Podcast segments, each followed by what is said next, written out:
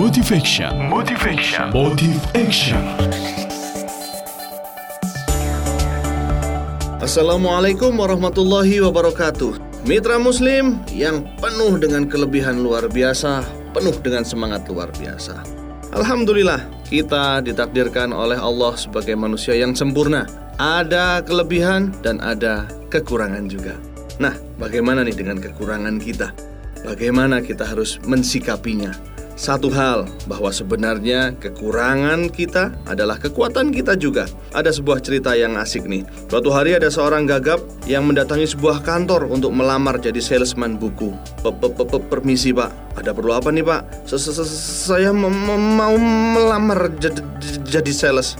Lalu personalia berkata, yang normal aja, yang tampan, yang cantik, jualannya kadang-kadang jarang lakunya dengan optimal. Apa kamu yakin bisa jadi salesman? B -b -b bisa pak, jawabnya mantap. Baik, karena kasihan nih, maka diterimalah Lia. Akan dilakukan tes, uji coba. Besok mulai tes menjual. Ternyata besok tak sampai setengah hari terjual hampir 20 buku. Diberi lagi 20 buku lagi, terjual semuanya. Dan demikian seterusnya sampai buku tersebut menjadi bestseller. Nah, di malam penghormatan resepsi untuk kehormatannya sampailah ketika si Gagap memberikan rahasia bagaimana dia bisa menjual buku itu. Apa rahasianya? Ternyata dia bilang begini, sederhana sederhana kok. Saya cuma tanya ke, ke, calon pembeli, uh, Anda mau beli buku ini atau mau saya bacakan? Masya Allah, saudaraku, meskipun Sepertinya bercanda tapi ada hal yang luar biasa dalam cerita ini. Oh, ternyata karena daripada dibacakan, maka mending beli bukunya. Saya yakin Anda juga berpikir begitu. Tapi demikianlah cerita ini menginspirasi kita.